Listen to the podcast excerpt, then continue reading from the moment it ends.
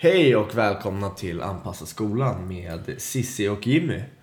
Eh, vilket avsnitt är vi på nu då Sissi? Vet du det? 31 tror jag. Ja, ja jag vet inte faktiskt. Nå något sånt är det. Nej, det är det. 31. Det är det. 31. Okej, ja. Ja. Eh, vad ska vi prata om idag då?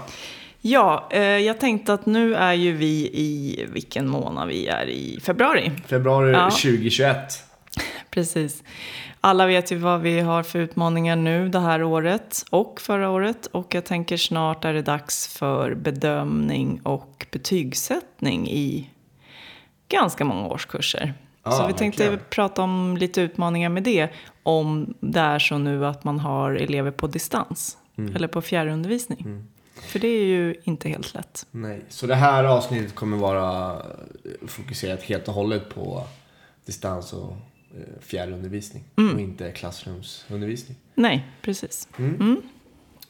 Ja, då tänker jag vi börjar prata lite om eh, hur man kan anpassa på fjärrundervisningen. Och då säger jag fjärrundervisningen nu och vad är skillnaden då mellan distans och fjärrundervisning Jimmy? Ja, fjärrundervisningen så är ju... Fjärrundervisning är mer vanlig undervisning, det vi tänker kanske. Fast via länk och på, ja, på Meet eller Teams eller Skype eller Zoom eller vad man kör. Eh, alltså en lärare är med live liksom. Då kan det vara inspelade genomgångar och eh, ja, lite mer så. Var det godkänt Cissi? Ja, Ja. Snyggt.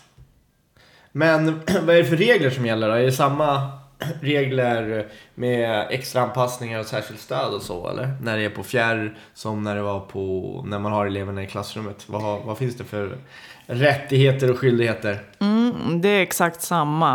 Eh, säger Skolverket i alla fall, så jag tänker att det är det vi får rätta oss efter. Och, men det är faktiskt en stor utmaning just för att du ser ju inte eleverna. Du kan inte se hela kroppsspråket. De ser inte hela dig. Så att det här med att fånga elever om man ser dem som kanske har tappat fokus och så, som man kan uppmärksamma i klassrummet, det är ju supersvårt online. Alla har inte ens kameran på samtidigt. Nej.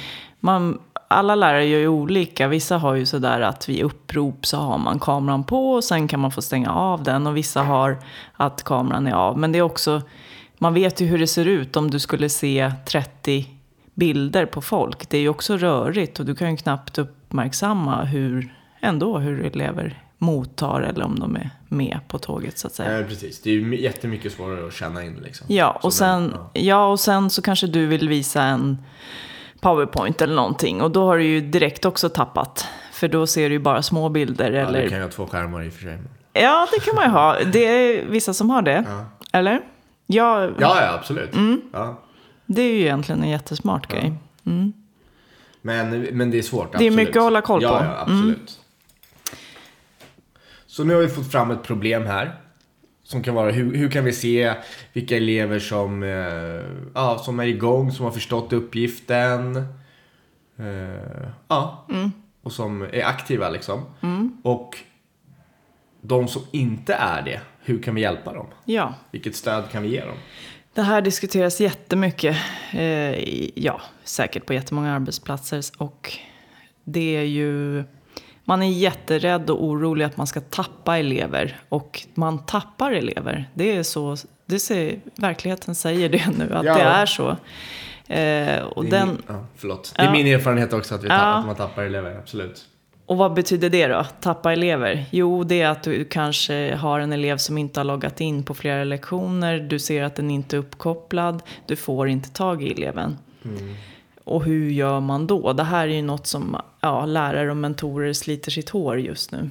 Det kan ju också vara, de kan ju ha loggat in och sådär, men det kan vara det kan ju vara um, elever som man inte fått kontakt med. Ja, Alltså på flera precis. lektioner. Ja. Så, ah, han har loggat in eller hon har loggat in men jag har inte fått kontakt med honom på två veckor eller en vecka och sådär. Man Ja. får ingen respons. Nej, precis. Och då syns, det blir ju missvisande för du har ju ändå kanske tagit närvaro och sett att den är med. Men är den med? Det där diskuteras ju jättemycket. Och hur, hur ska man nå de här och hur ska jag ens kunna betygsätta och bedöma en sån här elev? Man måste tänka liksom på andra sätt i det här. Eh, Har du, vad har du för exempel då? Har, du, har ni haft några bra? Ja, jag, har, jag tänker att vi tar lite exempel. Dels, eh, det kan ju vara att du, du märker, vi säger att du har två veckors moment i något ämne. Och så märker du att en elev loggar in på alla lektioner och är liksom plikttrogen så, är med. Men sen så börjar det kanske bli ett kan, litet gruppmoment och du kanske har delat upp dem i grupp. Och då ser du att aktiviteten är noll då från någon elev. Och de andra eleverna kanske också säger att den deltar inte. Den är bara inloggad. Det händer ju. Och hur gör man då? Och då tänker jag att som lärare måste man nästan avvara lite tid på kanske en gång i veckan eller på någon lektion. Att använda den till att försöka söka upp de här som inte var delaktiga. Att jag vet att vissa lärare gör så att vissa lektioner per vecka så använder de det till att ringa upp elever. Och då har man satt igång gruppen med något annat. Och så förbereder man de här eleverna på, jag kommer ringa upp dig för att jag behöver höra hur det går i det här momentet eller ämnet, vad det nu är. Eh, Det är ju en grej som är sån där för att inte tappa elever. Och då känner de sig också sedda och någon som tar tiden till dem. Det är ett exempel. Och så förhoppningsvis kanske man i det där samtalet så kanske man får höra varför. Alltså, ja, ja. precis. Men jag fattar ju också att man är så styrd och man känner väl kanske att man måste använda tiden så himla väl eftersom man inte träffar eleverna så ofta och du får inte den andra interaktionen. Så man kanske tänker att man inte har den tiden. Men jag tror att man måste ta den tiden. Mm. Ja, precis. Och så kan det ju vara svårt, jag tänker som en lärare, nu kanske jag går in lite på bedömning och så, men där kan man ju ta in och bedöma massa saker som händer på, i ett klassrum. Eller vad man bara går förbi och ser och sådana saker. Eh, och det blir ju extra svårt vid Ja. sådana här tillfällen då. Och när det inte händer någonting. Det kanske händer någonting, men man, man kan ju inte se det på samma sätt. Nej, det, det är jätte, jättesvårt. Och, ja, vi kan återkomma till det Ja. lite med hur man kan bedöma eh, på fjärr. Då. Men jag, jag kopplar tillbaka till det som vi egentligen har sagt tidigare när du har ett vanlig klassrumssituation. Hur gör du dina instruktioner? Hur har du lagt upp lektionen? Är in, instruktionen tydlig? Är den enkel? Har du tidsangivelser? Ni ska arbeta så här länge. Det gäller precis samma om du har online. Ja, och kanske, kanske ännu mer. Ja, och det är det som pratas om. Att ja, man ska skala av och skala av. Nu blir det lätt att du har ju redan haft, du har ju en planering oftast. Och den kanske du använder varje år. Men den måste du ändra lite till online. Du måste skala av, för du har ju inte tiden att se om en elev har förstått. Och då, man kör på sina vanliga instruktioner och tänker det här har ju funkat förut. Men det gör inte alltid det nu online. Så man måste skala av sina instruktioner eh, och omfång på uppgifter också. Och det som jag upplever har bäst effekt och vad man fångar flest elever det är om du har uppgifter som kan lösas på en, den lektionen du har. Att det blir någonting som du kan få eh, att eleverna kan visa på samma lektion. Det här, så här långt har jag gjort. Det kan ju vara att alla inte har gjort klart. Men då är det i alla fall en aktiv lektion och du ser att eleverna jobbar. Ja, jag förstår. Så mindre uppgifter, ingen uppgift som kanske rör sig över fyra lektioner. Utan, Nej, utan uppgiften ska röra sig om en lektion. Ja, och det är också så, man kan ju tycka att det är tråkigt som lärare. Man vill ju hell, ibland vill man ju ha något som ska vara över längre tid för att det ska vara en process och så. Men då, det är nästan en garanti för att det är jättemånga som inte kommer klara det. kommer Eller in, ja. Och inte lämna in. Det, så är, alltså, det är klart att man inte ska, man ska kanske inte dra sig för att ha längre uppgifter. Det förstår jag också. Men i så fall måste man erbjuda något annat till de som inte kommer fixa det. Och man får kanske tänka ett varv till innan man har sån uppgift och hur man bygger upp en sån upp- uppgift. Ja, Och eh, ifall man verkligen behöver ha en sån uppgift. För ibland så fastnar man ju också i att så här har jag gjort och det är så man gör. Liksom. precis. Eh, det, men det finns ju faktiskt andra sätt att göra. För vi kan ju vända på det. De elever jag träffar på min skola som har som upplever att det är svårt med fjärrundervisning. De, det är det de pratar om. Jag fixar inte de här långa uppgifterna som ska vara inne om två veckor. Nej. Jag kommer inte igång, jag vet inte hur jag ska starta, jag förstår inte instruktionen. Samma, de säger samma sak allihopa hela tiden. Och då tänker jag, då är det ju någonting där man kanske kan ändra. Men jag håller också med där. eh, Alltså tips på hur det kan se ut sådana uppgifter, bara rena, rent generellt, är ju gärna så här stegmarkörer, alltså ja, siffror kanske först det här, alltså etta, tvåa, trea. Eh, sådär, alltså det blir tydligt. Alltså det är ju... Så det blir tydligt liksom. Ja, och jag är ju nästan tillbaka till så här eh, hur, jag bara tänker, det beror ju på vilka plattformar man använder, men även det här att skriva man är ju van att man gör en instruktion som är på ett papper och så ska eleven skapa ett eget dokument som ska lämnas in i olika plattformar. Så brukar det se ut. Ja. Jag tänker att det till och med går att gå tillbaka så som man gjorde på lite yngre åldrar. Att man i instruktionsdokumentet skriver svaren. Så, så brukar lärarna göra hos oss faktiskt. Mm. Hur, hur, ser den, hur ser det ut? Ja, men det är ju helt enkelt att eh, instruktionerna för uppgiften och, och, eh, och den individuella uppgiften som jag själv skriver är ju i samma dokument. Så jag lämnar in eh, i det dokumentet som jag ska göra uppgiften i.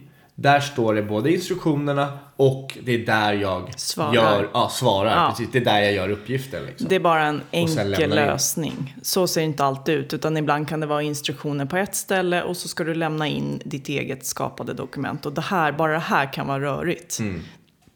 Och, och där har jag en tanke också att man eh, som skola egentligen försöker få att alla lärares uppgifter ser så lika ut som möjligt. Och då, då pratar jag om kanske så, alltså det kan vara format, alltså allting så att det är liksom, det är uppbyggda på, Ja, så, på, ty, typsnitt och allting. Ja, allting. Det ska vara så lite skillnad mellan eh, alla uppgifter som möjligt. Så det Mm. inte är, så här ser Jimmys uppgifter ut, så här ser Cissis uppgifter ut. Mm. Lite så kommer det ju självklart att vara eftersom det är olika ämnen och, eh, och sådär. Men ändå att ja, men det är samma rubrik, Mm. alltså det är samma, samma struktur, samma uppbyggnad. Och, alltså, så det, det går verkligen att se att alla de här uppgifterna kommer från samma skola. Liksom. Ja, och det, ska man in, det där ska man verkligen inte underskatta. Det är jättetacksam, eleverna blir jättetacksamma om det är så. Särskilt de som har svårt att läsa instruktioner och tycker kanske det är för mycket text. Man tappar ju dem direkt. Och det är ju, vem ska sitta och förklara en instruktion? Och så har du 30 elever så frågar man, har du förstått? Har ni förstått? Och det här, ja, det här är ju någonting man kan ta med sig även när det inte är fjärrundervisning. Att det är, Ja, Ja. precis. Men som sagt, när det är just fjärrundervisning så blir det allt sånt här extra känsligt. Liksom. Ja. Eh, nej men det tycker jag är en bra, det är någonting som våran första lärare på, på min skola jobbar mycket med. Att eh, uppgifterna ser liksom likadana ut. Mm. Eh, ja. Ja, några andra grejer då som kan vara bra att tänka på det är ju det här när du startar din lektion fjärr. Det finns ju såna här äh, hjälpmedel man kan använda eh, som är som en bakgrundsskärm. Det vet jag att jag hade på min förra skola, den här Classroom Screen. Okej. Som, eh, det är bara en eh, hem, eller vad ska man säga, en webbläsare som du själv kan eh, eh, dela. Aha. Och där kan du skriva dagens uppgift och använder den som en tavla. Okej, ja. För det, det här är ju också en grej. Eh, eleverna är ju vana att eh, oftast att läraren står framme vid en tavla och skriver. Man är liksom inkörd i det systemet. Eh, jag har lärare på min skola som också jobbar hemifrån och då har ju vissa skaffat en tavla som de har hemma. Jättebra. Alltså en fysisk tavla. ja, en, ja. en eh, whiteboard. Ja, Som de fysiskt som de, skär, som de eh, filmar. det är Som- så du menar? Ja, precis. Ja. Ja. Mm. Och det, det verkar vara väldigt uppskattat av eleverna. Mm. För då känner de igen strukturen. Mm. Har man inte det så kan det ju vara man kanske inte har det. Mm. Eh, då kan man använda såna här bakgrundsgrejer. Där kan du då skriva dagens lektion, hela strukturen. Du kan skriva hur länge. Det finns tidtagarur. Du kan sätta på olika, ja det finns hur mycket grejer som helst. Jag tycker den är jättebra. Ja, bara för att förtydliga här lite. Det du med, eh, jag tror att jag förstår vad du menar. Men det är alltså ifall du är lärare i en lektion, jag ser dig Sissi, för du har, eller hur? Så. Och så i samma som jag ser dig, där har du också bakom dig ett, in, alltså ett, eh, alltså en, en, eh, en struktur, en klocka och så, eller? Nej? Det, blir, ja, det beror ju på vad man har för program. Ja. Men i det här, ja, det som vi använder, då syns du ändå i en liten ruta. Ja, och du kan visa kalender, man kan gå igenom vad händer i veckan. Du kan ha en timer där du talar om så här länge ska ni jobba med det här. Du kan eh, göra såna här slumpgrejer, vem ska få prata, vilka grupper ska ni vara i. Allt finns här. Den är superbra. Ja, men det är väl superbra. Vad hette den? Säg det igen. Classroom Screen och du använder den bara i en webbläsare. Du behöver inte ha någon app eller någonting. Classroomscreen.com Snyggt. Ja, men det var ett jättebra tips. Ja, jag tänker varför behöver man använda en sån här bakgrund? Eller eh, det spelar ingen roll om man använder den här eller om du har några andra bra sådana grejer. Det är ju just för att man ska upprätthålla så mycket av den vanliga klassrumsstrukturen som möjligt för att så många elever som möjligt ska känna sig trygga och delaktiga och vara med och förstå instruktioner. Och det här är bara ett, ett sätt att göra det. Har du en whiteboard hemma så gör du ju på samma sätt där kanske. Jag förstår. Ehm, för just det här att sitta på en lektion och en lärare bara pratar, det vet man ju själv när man sitter på en onlineföreläsning. Det går ganska fort att tappa fokus och zooma ut. Ja, absolut. Det är ju liksom efter typ 10-12 minuter. Oj, så länge? ja, nej, men det är ganska enkelt att ta upp telefonen eller... Precis. Vad som helst. Och eh, man tänker att man ska hinna med så mycket som möjligt på en, ja, en timmes lektion. Då kanske man pratar 40 minuter. Då är du garanterat att du har tappat ja, ganska många elever. Ja, några andra? Ja, jag har lite andra grejer också som man behöver tänka på just för att fånga alla elever.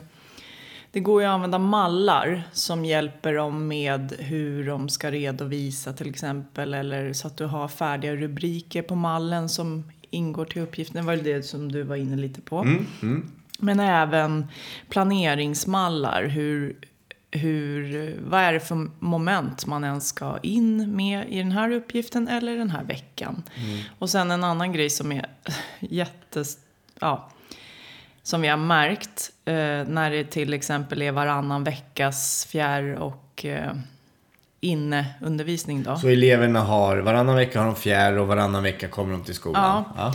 Då har vi märkt att ett jättestort problem är och vad, vad stressar elever, det är att man måste i sitt arbetslag samköra alla ja, moment som är prov, läxor, inlämningsar.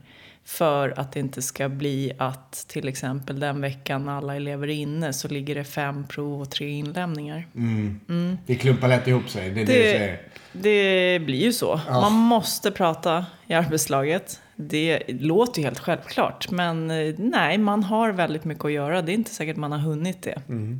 Eh, och det här har vi elever som har svårt sedan tidigare. Det här är ett jättestort problem för många. För alla elever skulle jag säga, men verkligen för de som har svårighet. Den här, det liksom läggs på hög. Det blir en så oerhörd stress och press. Och det blir nästan inte ens kul att komma tillbaka till skolan. De brukar ju längta att komma, men många tycker det är jättejobbigt. För då vet de, då har jag jätte, jättemycket att göra. Det har jag har pratat med säkert 50 elever om som säger att det är det största problemet. Att vi får för mycket när vi är i skolan. Men, och det, jag fattar att det blir så för att man tycker det är svårt med bedömningen och prov och sånt eh, online. Men det Ja, precis. kanske vi ska prata lite om nu då. Hur kan man göra det på ett bra sätt? Ja, till exempel muntliga redovisningar. Man kan ju spela in, alltså med videokamera och sånt. Eh, och kanske bara ljud, för man hör ju vem det är som pratar. Ehm, så då går det inte att Mm. göra samma plagiat. Och det kan man ju göra även med en, ja, även på alltså, traditionell så här, matte liksom. Ja. Det går ju hur som helst, hur bra som helst att bedöma någon eh, muntligt, matte, alltså på matte. Ja men här, du ska, jag vill se en redovisning för det här. Eh, och så, då kan du spela in det och sådär. Så, då kan man ju jätteenkelt, säger jag, eh, bedöma om den här eleven har förståelsen och vilken förståelse eleven har. Och sen eh, om man är osäker så kan man ju komma med följdfrågor liksom. Tänker jag. Det är ett sätt. Ja, och just det här att dela upp i grupper. Oftast finns det den funktionen nu i alla de här online-plattformarna. Att det slumpas grupper och du hamnar i en grupp så kan du som lärare gå in i de grupperna och höra hur eleverna resonerar kring någonting. Och där kan du också be att eh, ja, du bara slump, slumpar ut någon som får förklara vad gruppen har kommit fram till. Och det gör att alla är aktiva för då vet man inte vem som kommer behöva förklara. Så då betyder det att alla måste vara förberedda. Och då, eh, man, liksom, det går ganska snabbt att höra om Eh, ja, det går ju att bedöma på sånt sätt. Eh, sen tänkte jag också på ett sätt som vi gör på skolan är till exempel i matte. Det är att man kan ha en genomgång online. Läraren står som vanligt.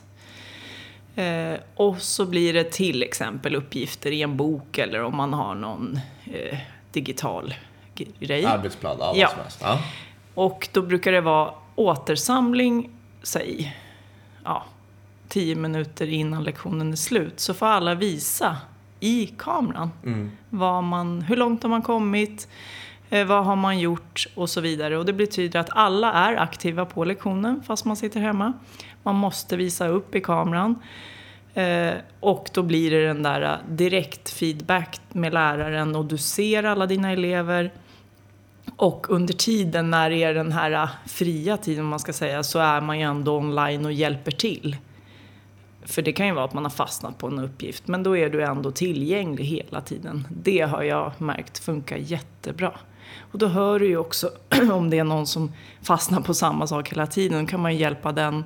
Då kan man ju säga jag ringer upp dig så kan vi prata lite längre kanske. Så kan man ju ha sådana här, um, folk kallar det lite olika, men någon typ av exit ticket eller alltså som man kan göra i Socrative eller Kahoot och de ska heta deras namn eller ja, så man vet vem det är. Där kan man ju också göra en liten scan, Ja. scanna av lite vad, vad eleverna kan och ja, Precis, eller om du har... Det så. också... bedömning på det liksom. Ja, vi säger att du har en presentation på PowerPoint. Då kan du ha sådana slides, eller ja, det finns ju alla möjliga sådana här, där du har frågor och så måste alla elever svara innan man går vidare. Det är också ganska smart, för då ser du ju resonemanget. Precis. Jag tänker att det kan vara bra att ha flera kunskapscheckar, lite som jag pratade om där, exit ticket. Men liksom ha sådana här kunskapscheckar väldigt ofta istället för ehm, större prov. Och det, alltså det finns ju många fördelar med det, tänker jag. Eh, men också ur ett ehm, kontrollsyfte, helt enkelt. Att det blir man får, man äger, man, man, man hänger med och man vet vad eleverna kan hela tiden. Eller mm, oftare. Ja, man är ju ändå kanske invand att ha stora prov och sådana saker, men eh, erfarenhetsmässigt nu så brukar inte det funka så himla bra. Alltså att ha digitala prov. Man är ju alltid rädd för att elever ska fuska till exempel. Du kommer alltid ha elever som du misstänker för fusk och hur tar man det vidare? Hur gör man det och hur ska man liksom... Ja, det är jättesvårt så jag skulle nästan säga undvika prov. Faktiskt. Ja, nej, men jag tror verkligen att samla in eh, små eh, kunskapscheckar hela tiden och kanske vad man mer kan kalla oförberedda liksom, små prov. Liksom. Eller prov, provtest. Alltså, ja. Ja, just för att det inte ska kännas övermäktigt heller för eleverna som har svårt att starta, avsluta sådana saker. Det blir mycket lättare om man inom ramen av en vecka känner att nu har jag faktiskt gjort det jag ska. Precis. Så att det inte läggs på hög och, och så. Det, det upplever jag är positivt för eleverna. Ja, och på så sätt läggs det in mer eh, naturligt i eh, vanliga lektioner eller i vanliga, i vanliga strukturen av undervisningen, tänker jag. Eh, jag tänker även så som vi gör på vår skola är ju också, det finns ju elever som faktiskt inte fixar alls överhuvudtaget att vara hemma och klara av fjärrundervisningen och då brukar vi erbjuda dem att få komma till skolan, kanske inte alla dagar, vissa dagar och sitta och då kan de ju sitta och logga in på sina lektioner på skolan. Eller ibland till och med sitta i klassrummet om det råkar vara så att läraren är på skolan så kan de sitta i det klassrummet. Och det är ju många som uppskattar just för att så fort du kliver in i skolmiljön så loggar du själv på hjärnan på något Ja, sätt. absolut. Så man inte glömmer bort det att eh, att man håller koll på det där. Vilka kanske har behov av att komma in till skolan. Då får man diskutera det med elevhälsan och rektorn. Så att det inte blir att, ja för man kan ju inte plocka in hur många som helst heller. Man må, ja, det beror ju på hur er skola ser ut. Men Ja. det måste vara en dialog. Precis. Eh, skolan där jag jobbar på har vi faktiskt väldigt lite fjärr. Eh, och jag, jag är ju glad över det. På, för att jag tycker ju den undervisningen är dels roligare men också bättre många gånger. På plats ja. På plats ja. Mm, Mm. Exakt. Men sen så är det faktiskt vissa som har mm, gynnats positivt utav lite fjärrundervisning.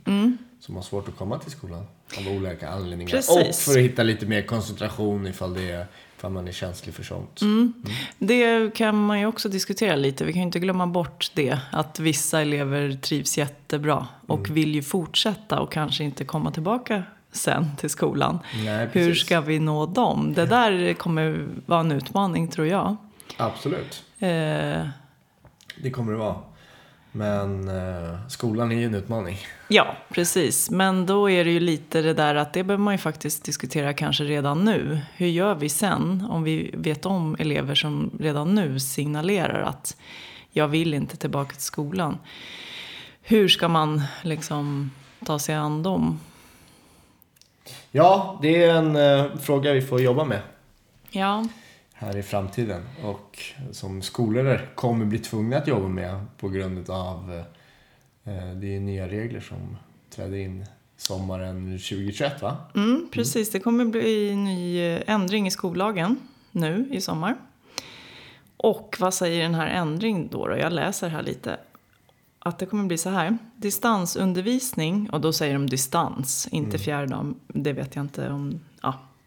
Får användas för en hel utbildning i gymnasieskolan för en elev som inte kan delta i den ordinarie undervisningen på grund av en dokumenterad medicinsk, psykisk eller social problematik.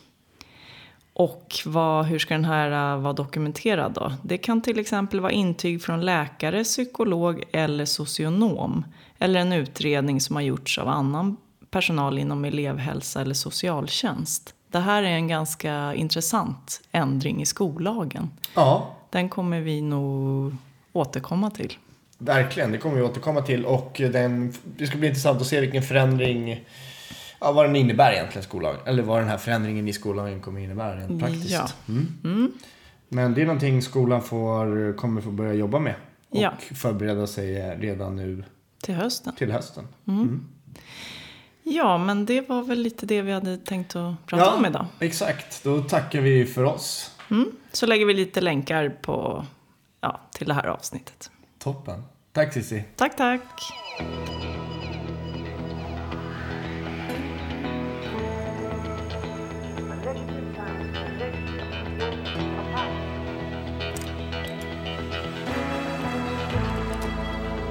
A negative times a negative equals a positive.